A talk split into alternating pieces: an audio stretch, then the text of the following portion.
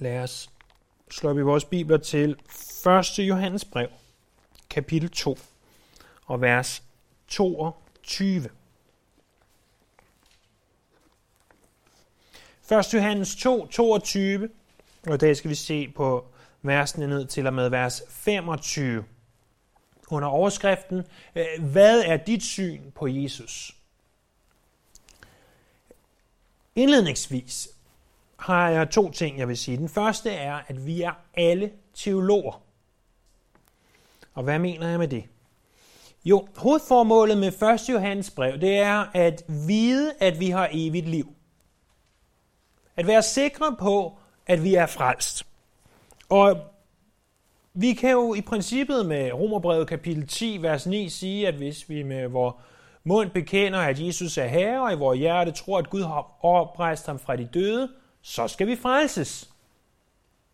Og det er rigtigt, og det er sandt, og det er godt, og det er trosopbyggende, det er Guds ord.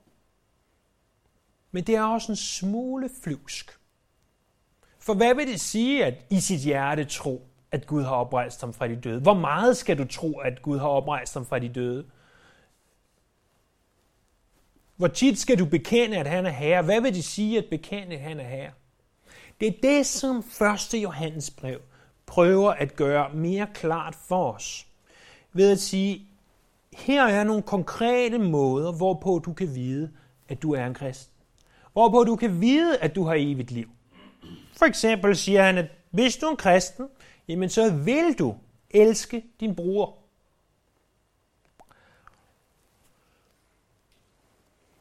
Det vi skal se på nu, og det vi har set på de forgangne søndage, det er, at hvis du er en kristen, så vil du også have en grundlæggende forståelse for visse teologiske emner.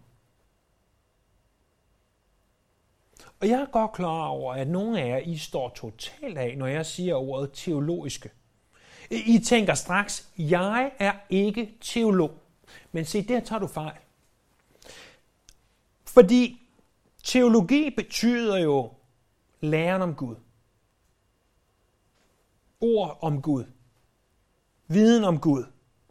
Og, og med det bliver hver af os en eller anden form for teolog. Mit første slide er et citat fra C.S. Lewis, øh, bedst kendt for Narnia-bøgerne, men også for meget andet, blandt andet en bog, han skrev, der hedder Mere Christianity. Og han skrev således her. Hvis du ikke lytter til teologi, betyder det ikke, at du ikke har nogen idéer om, hvem Gud er. Men det betyder, at du har en masse forkerte idéer. Jeg er overbevist om, at hvis vi gik ud på gaden og lavede et af de her smarte interviews med et kamera og gik ud og sagde, hvem er Gud, hvordan er Gud? Mm, så vil du få masser af forskellige øh, udsagn. Øh, ja, men Gud han er en rar gammel mand med et stort hvidt skæg og minder mest af alt om julemanden, øh, vil være en af dem. Hvis I spørger Cornelia, så vil hun sige, nu taler jeg jo engelsk til hende, som I ved, så hun vil sige, God is spirit. Det er jo i hvert fald sandt, og i hvert fald bibelsk. Men Gud er mere end ånd. Han er også kærlighed. Han er også lys. Og, og det, at vi siger, at jeg vil ikke studere teologi, betyder ikke, at du ikke har nogen meninger om og holdninger til, hvem Gud er. Og når jeg siger studere teologi, så mener jeg ikke at tage ind på Københavns Universitet og læse kant-teol. Tværtimod. Snarere så mener jeg, at vi læser vores bibler og får vores teologi fra vores bibler. Øh, Suppleret med bibelundervisning, suppleret måske med bøger, øh, som lærer os mere om, hvem Gud er og hvordan Gud er. Så vi kan få korrigeret vores Guds syn, hvis det har behov for korrektion. Så det er den første ting, jeg indledningsvis vil sige, det er, at vi er alle teologer. Den anden ting, jeg indledningsvis vil sige, er en introduktion til det afsnit, der ligger foran os. Fordi i versene 21, nej 18 til 21 snarere, der har vi hørt, at antikrists ånd, altså alt hvad der går imod Jesus, alt hvad der er anti imod, eller i stedet for ham, det er allerede til stede i verden. Endda, siger Johannes, det var til stede i kirken. Heldigvis, eller hvad vi nu kan kalde dem, det er heldigt eller ej, men de har altså forladt kirken, de er der ikke længere, de er ikke forblevet med Gud, de er gået deres vej.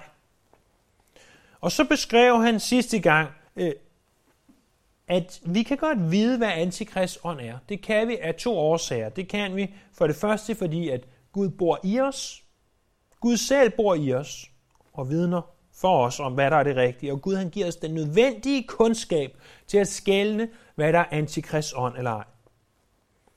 Og det, som han har sagt tidligere om den her kundskab, det er det, han nu klargør her i vers 22-25, i det han siger, at vores syn på Jesus er alt afgørende for, om vi er kristne eller ej. Vores syn på, hvem Jesus er, det er alt afgørende for, om vi er kristne eller ej. Og vi kan opsummere de her to vers, inden vi lige om lidt læser dem således, at i vers sådan her. I vers 22 og 23, den første halvdel, øh, der ser vi, at de, der benægter, at Jesus er Guds søn, det er en løgner. Han er en løgner, og han har ikke fællesskab med faderen. Vi kan altså kalde ham for løgneren.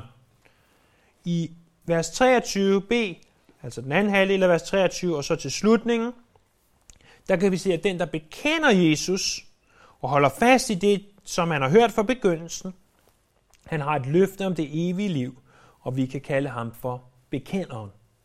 Så der er løgneren for det første, og bekenderen for det andet. Og det er de to ting, de to personer, som vi skal se på i dag.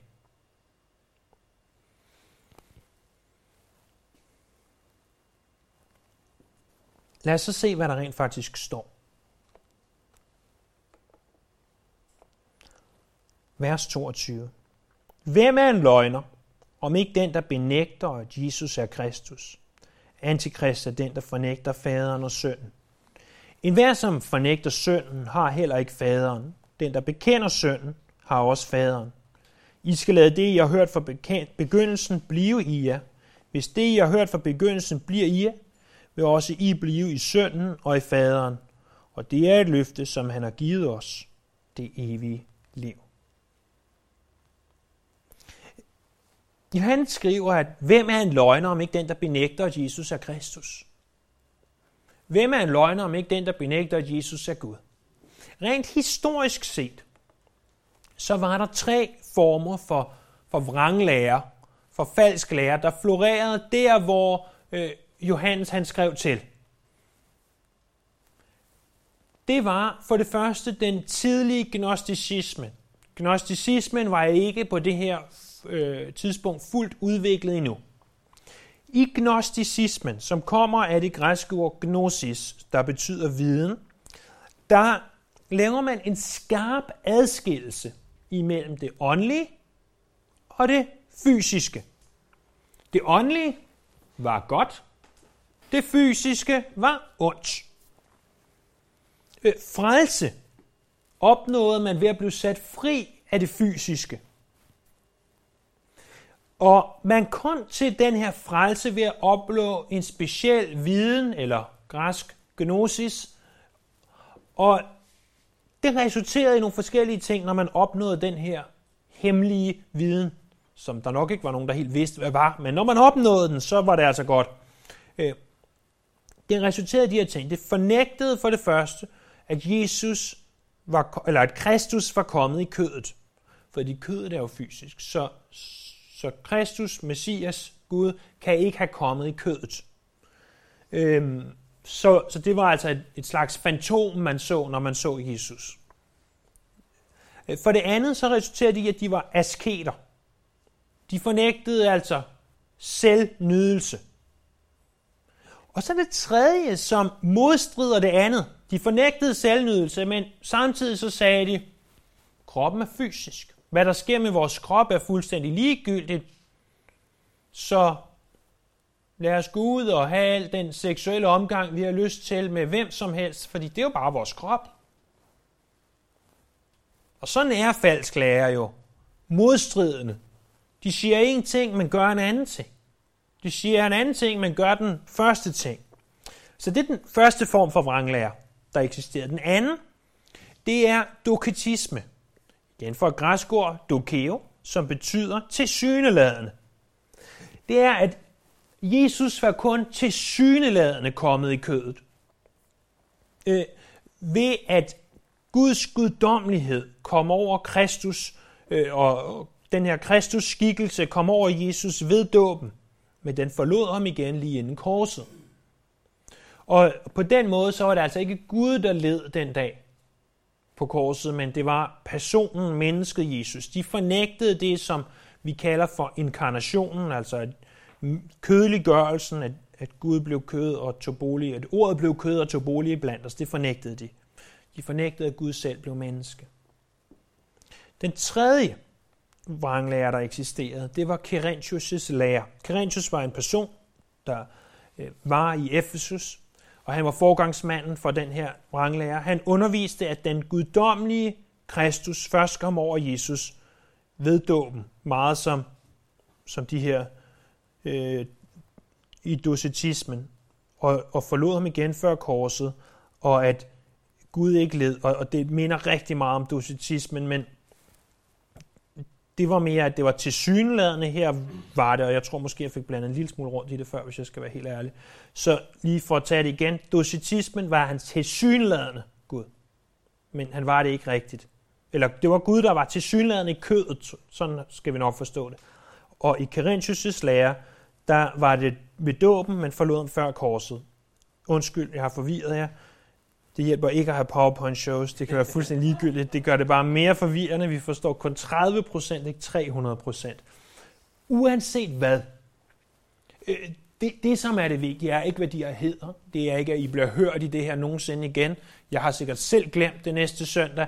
Øh, men det, der er, det, der er vigtigt at se, det var, at deres syn på Jesus var, at han ikke var Gud, da han lå i krybben i Bethlehem eller da han hang på korset. Uanset hvad side og hvad, hvordan de kom til det, så var han ikke både menneske, og han var ikke både Gud.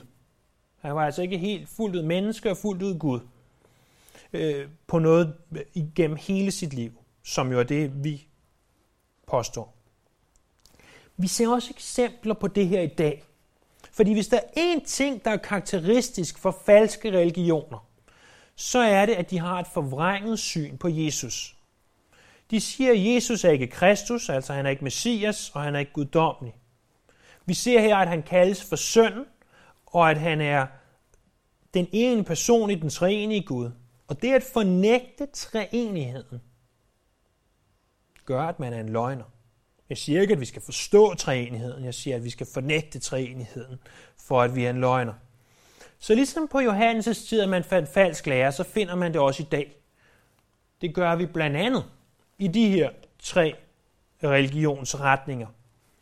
Jehovas vidner, som måske hvad det her angår, er de mest fremtrædende herhjemme, de siger, at Jesus var en skabning.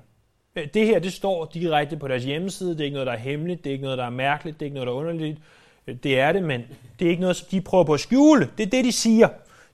Øh, han var en skabning. Han er den samme som ærkeenglen Michael. Og de fornægter treenigheden, og de siger, at Jesus han er ikke Gud. Mm. Ingen tænkelig måde øh, er han den samme som den, det gamle testamente kalder for Jave, eller de siger så naturligvis Jehova.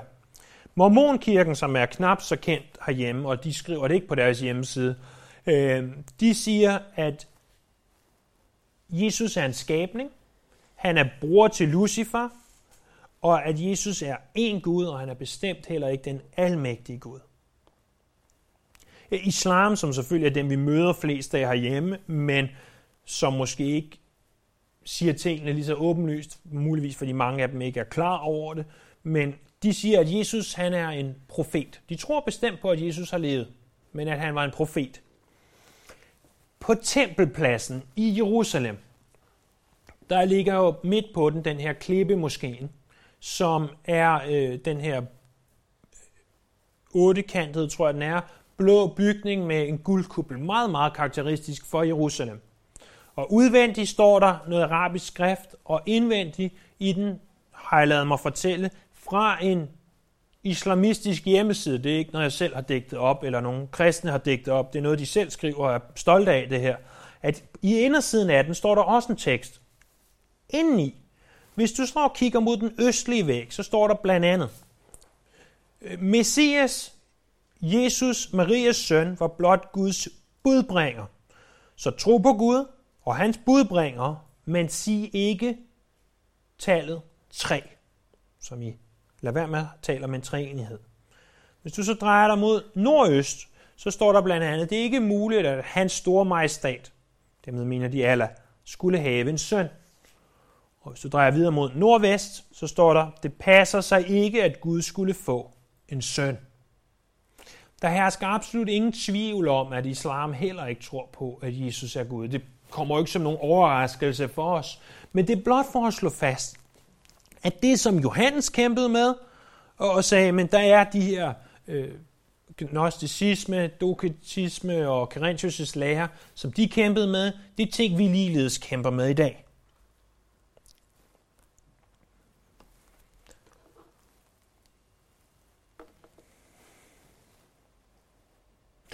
Hvis nu vi skal opsummere den her løgner, hvordan kan vi så opsummere? Jeg prøver at se, hvad der står igen. Hvem er løgneren, om ikke den, der benægter, at Jesus er Kristus?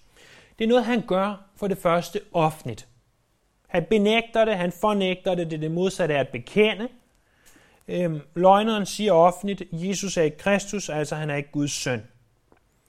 Der står videre, Antikrist er den, der fornægter faderen og sønnen, og enhver, som fornægter sønnen, har heller ikke faderen. Hvad det betyder er, at man ikke har faderen, er, at du ikke har fællesskab med faderen. Du har ikke fællesskab med Gud. Og, og ved at du ikke har fællesskab med Gud, jamen så er du naturligvis ikke en del af hans menighed. Du er ikke en del af den kirke, som, som han har sat her på jorden. Du er ikke frelst. Du, har ikke, du er ikke arving til det evige liv. Og i virkeligheden så kalder Johannes der her for en løgner. Og vi ved jo fra hans evangelium, at øh, Satan er løgnens fader, og at de, der måtte sige sådan i virkeligheden, skriver Johannes, er, er djævelens børn. Det er hårde ord. Det er den, som løgneren er, når vi, be, når vi fornægter, at Jesus er Gud. Så er det der, vi eksisterer, så er det der, vi er.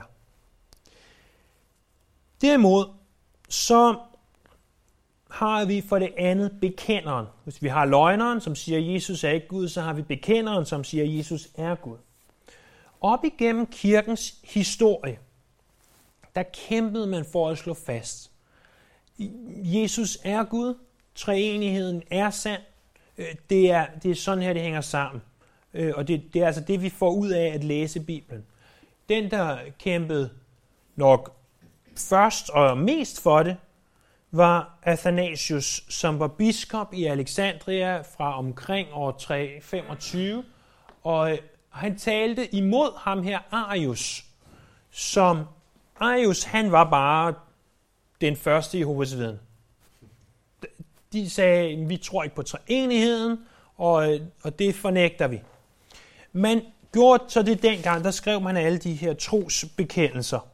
Øh, den trosbekendelse, vi jo kender bedst, er jo den, som bliver sagt de fleste, hvis ikke alle søndage, i mange folkekirker, men der eksisterer også andre trosbekendelser.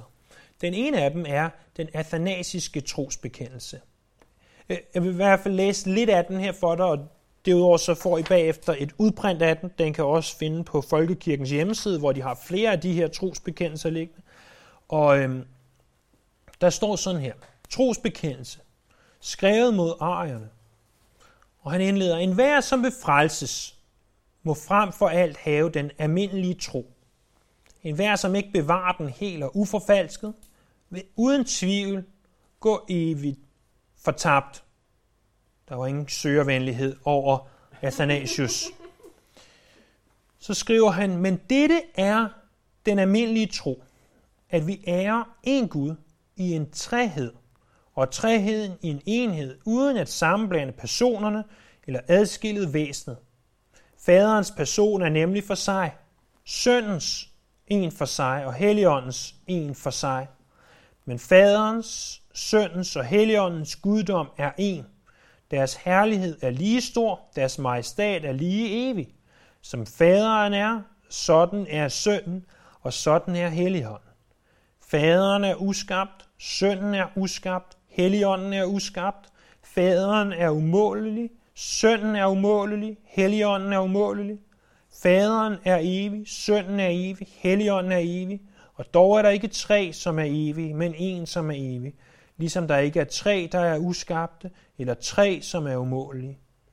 I lige måde er faderen almægtig, sønnen almægtig og helligånden almægtig, og dog er der ikke tre, som er almægtige, men en, som er almægtig. Og sådan fortsætter det. det næste, lad os tage den næste sætning også. På samme måde er faderen Gud, sønnen Gud og helligånden Gud, og dog er der ikke tre guder, men én Gud.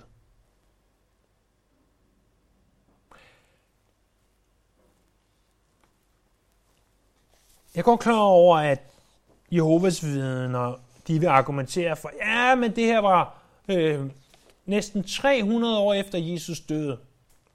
Og det har de jo ret i. Øh, men det var altså først der omkring, at mange, mange af de ting, vi tror på, blev, øh, blev slået fast. Blandt andet sammensætningen af vores Bibel var også deromkring. Ikke at der ikke var tale om det før, men det var der, det sådan endeligt blev sagt, det er altså det her, vi tror på. Og de her mænd, Athanasius for eksempel, øh, kæmpede for det her og led for det her. Og øh, ikke vi skal se ham som noget mere ophøjet end nogen andre, men vi skal bare huske, at når vi siger, det er vi ligeglade med, eller det kommer ikke os ved, øh, så er der en af vores brødre og søstre i troen, der har, der har lidt og der har kæmpet for at stå fast på det her, og masser efter ham. Men blot for, at vi må huske, hvorfra det vi tror på kommer, så blot et par få vers i Bibelen om det her. Jeg håber, du vil bladre igennem Bibelen med mig først fra Johannes kapitel 1.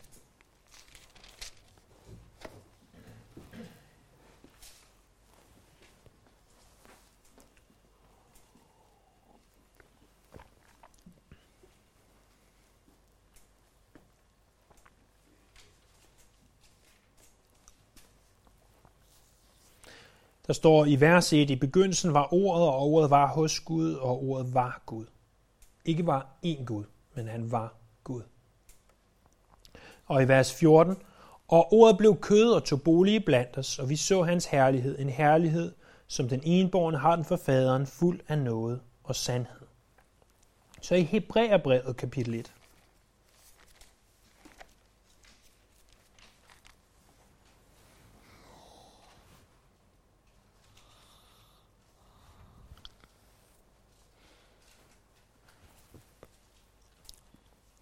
Mangfoldige gange og på mangfoldige måder har Gud i fortiden talt til fædrene gennem profeterne, men nu ved dagens ende har han talt til os gennem sin søn, hvem han har indsat som arving til alle ting, og hvem han også har skabt verden. Han er Guds herlighedsglans og hans væsens udtrykte billeder. Han bærer alt med sit mægtige ord. Og så i 1. Johannes brev. Kapitel 1, vers 1. Det, som var fra begyndelsen, det, som vi har hørt, som vi har set med vores øjne, og det, som vi betragtede med vores hænder, og vores hænder rørte ved, livets ord. Og livet blev åbenbaret, og vi har set det og vidner om det, og forkynder jer det evige liv, som er hos faderen, som blev åbenbaret for os. Det, som vi har set og hørt, forkynder vi også for jer, for at også I skal have fællesskab med os, og vort fællesskab med faderen og med hans søn, Jesus Kristus. Dette skriver vi for, at vores glæde kan være fuldkommen.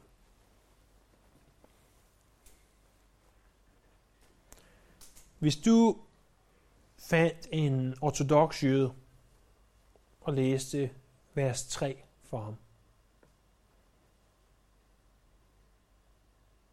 Det er med faderen og med hans søn. Så vil han øjeblikkeligt påberåbe sig blasfemi. Du sætter ikke faderen og hans søn i samme sætning på den måde, hvis du ikke tror på, at at Gud er en i tre personer. Det, det vil være direkte blasfemisk. Og, og det her, det skal ikke være en undervisning i treenigheden. Det vi ser på i dag, det er, at vores syn på Jesus er altafgørende. Og det er blot, at det, som de dengang kæmpede med, var, er Jesus menneske, og er han Gud? Er han en del af øh, en treenige Gud? Og, og hvis man gerne vil se mere på det her, jamen, så må man gå hen og finde alle de steder i skriften, hvor der står, at faderen er Gud, sønnen er Gud, og helligånden er Gud. Hvor der står, at faderen er en person, sønnen er en person, og helligånden er en person. Det, som der er ved den, der bekender, det er, hvis vi ser i vers 23, kapitel 2, vers 23, den, der bekender sønnen, har også faderen. I skal lade det, I har hørt fra begyndelsen, blive i jer. Og det er altså det, som vi lige har læst fra kapitel 1, vers 1, at det, I har hørt fra begyndelsen, det, I har hørt om Jesus, lad det blive i jer. Lad blive ved med at tro på Jesus. Bliv ved med at stå fast på Jesus. Og hvis det, I har hørt fra begyndelsen, bliver i jer, vil I også blive i sønnen og i faderen. Og så siger han, og det er det løfte, han har givet os, det evige liv. Jesus han sagde i Johannes kapitel 14, vers 6, Jeg er vejen, jeg er sandheden, jeg er livet. Ingen kommer til faderen uden ved mig. Fordi uden Jesus, der er der intet liv. Evigt liv. Men med Jesus, der bliver vi lovet det evige liv. Der bliver vi lovet, at tror vi på ham, jamen så er der, som der står her, et løfte, han har givet os, det evige liv. Det er forskellen på den, der er en løgner, og på den, der bekender. Det er, vi er lovet det evige liv. Og hvor efterlader det også så den her morgen? Jeg er godt klar over, som jeg også sagde, øh, inden vi helt gik i gang, at det her det er anderledes, end hvad vi normalt gør. Normalt læser vi ikke øh, den athanasiske, jeg kan ikke engang udtale det helt ordentligt, tror jeg, trosbekendelse op. Øh, normalt ser vi ikke på Jehovas vidner og islam og læser citater op for måske. Det er ikke det, vi gør os mest i. Jeg tror ikke, jeg håber ikke, at nogen af os er dukket op her i dag i tvivl om, at Jesus er Gud. Øh, så går jeg ikke ud fra, at du vil være en del, en fast del af en evangelisk kirke. Men der er helt sikkert et par ting, vi alle sammen kan tage med os fra det her korte afsnit fra 1. Johannes kapitel 2. Det er for det første, at vi er i en eller anden grad alle sammen teologer. Og det er vi, fordi vi har en eller anden mening om, hvem Gud er, og hvordan han er, men også hvem Jesus er, og hvordan han er. Og jeg tror ikke på, at vores holdninger er i lighed med de ovenfor og tidligere beskrevne. Men der kan være andre aspekter af det, Jesus gjorde, som du måske har svært ved. Hvad tænker du for eksempel om de mirakler, han gjorde? Tror du på, at han gik på vandet? Kan, kan det virkelig lade sig gøre, at, at han kan gå på vandet? Eller bespisningen af de 5.000, eller at han opvagte mennesker fra de døde? Tror du virkelig på det?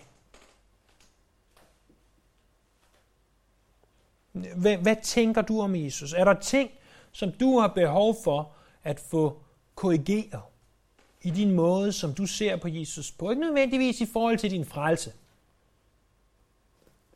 Men ting, som der står i Bibelen, som du måske har lidt svært ved at, at relatere til eller tro på. Eller hvad med korset?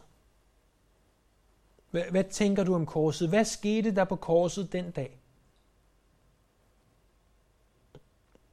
Det er den første ting. At vi er i en eller anden grad alle sammen teologer.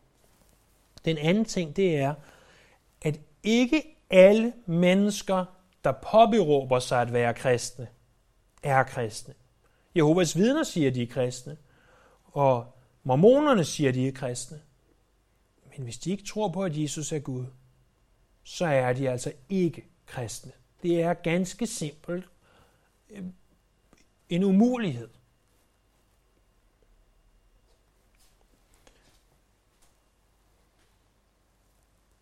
Det er vigtigt for os, at vi husker at skælne og sige, den her gruppe af mennesker siger, at Jesus er ikke Gud. Det er ikke vores brødre og søstre. Dem har vi ikke brødre og søstre forpligtelser overfor. Samtidig er det også vigtigt at huske, at der er kristne, som du måske ikke er 100% enig i, hvordan de gør tingene, som vi har brødre, søstre forpligtelser overfor. Der kan være andre ting, der gør, at folk, der stadigvæk siger, at Jesus er Gud, øh, som gør, at de måske alligevel ikke er kristne, fordi der er andre ting, de ikke tror på. Men, men husk, at der er et skæld. Der er altså mennesker, der siger, at de er kristne, men ikke er det. Og den tredje og sidste ting, det er, det er det mest vidunderlige af det alt sammen. Cornelia, hun er, det er ikke Cornelia, der er det vidunderlige. Det er blot en historie for at illustrere. Hun er nået en alder, hvor at hun har fundet ud af, at jo flere undskyldninger hun har om aftenen, jo senere kan hun komme i seng. Så, så der, skal, der skal undskyldes for alt, og så skal hun ud og tisse igen, og så skal hun, øh, så skal hun have noget vand, så hun skal tisse noget mere, og så Øh, skal hun holde i hånden, og så skal hun lige spørge om noget, og så skal hun spørge om, hvad vi skal i morgen, og hun har en milliard undskyldninger. Og, og en af de undskyldninger, hun også bruger, det er, at når jeg læser en bibelhistorie for hende om aftenen, jamen så skal hun vide alt muligt mærkeligt om den her bibelhistorie efterhånden. Men det betyder jo også, at vi nu begynder at fortælle om nogle ting, som er rigtig, rigtig vigtige. Og øhm, det er blandt andet om det evige liv. Det er om, hvem, øh, hvem Gud er, og hvad der skal ske, også når vi dør. Og, og hun bliver ved med at sige, det har jeg vist også nævnt før, jeg vil gerne se Gud, og jeg har forklaret hende, jamen, som jeg også sagde tidligere, Gud er ånd, vi kan ikke se Gud på den måde. Og, og den anden dag, der talte vi om bortrykkelsen. Og sagde, der kommer et tidspunkt, hvor alle kristne bliver taget op i himlen og møder Jesus. Og hun var meget snar til at sige, at jeg er også en kristen, jeg skal i hvert fald også med der. Og, og det er jo rigtig sødt og, og dejligt og fantastisk at høre som far til, til sin datter. Men hvorfor er det fantastisk? Det er fantastisk, fordi jeg ved, hvad det evige liv er. Ikke at jeg har været der, men jeg ved det, jeg har læst i Bibelen om. Jeg ved, at det er bedre end her. Jeg ved, at det er noget, som, som vi kan glæde os til. Jeg forstår det ikke helt. Jeg kender ikke alle detaljerne, men jeg ved, det er bedre. Jeg ved, at alle bekymringer er væk. Jeg ved, at alt sorg er væk. Jeg ved, at, at hver en tårer vil blive tørret bort. Jeg, jeg ved, at, at alt det, som plager os, det vil være væk. Jeg ved, at det vil være fællesskab med Gud. Og det er derfor, det er godt. Og vi har givet et løfte, det er den tredje og sidste ting, om det evige liv. Er det ikke et vidunderligt løfte at være givet, at hvis vi tror på, at Jesus er kommet i kødet, hvis vi bekender det, og hvis vi bekender, at Jesus er Guds søn, øh, så er vi givet et løfte om det evige liv. Og jeg håber, at du vil være lige så hurtig, som Cornelia var, da jeg fortalte hende om bortrykkelsen, til at sige, jeg vil gerne med. Jeg vil gerne bekende, at Jesus er Gud. Jeg vil gerne bekende, at han er opstået fra de døde. Jeg vil gerne bekende ham som Herre.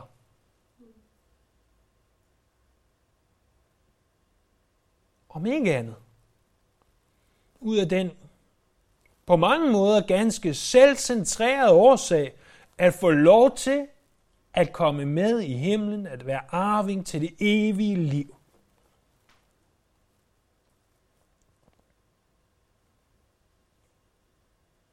os bede.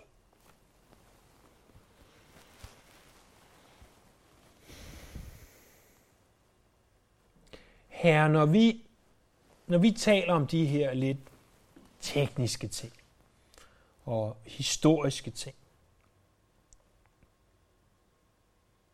så i hvert fald for mit vedkommende, så gør det noget i min hjerne. Men når vi taler om det evige liv, om det, der ligger forud, så gør det noget i mit hjerte.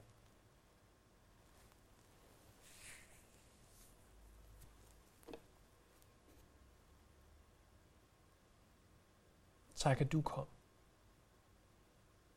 til den her jord og ydmyget dig.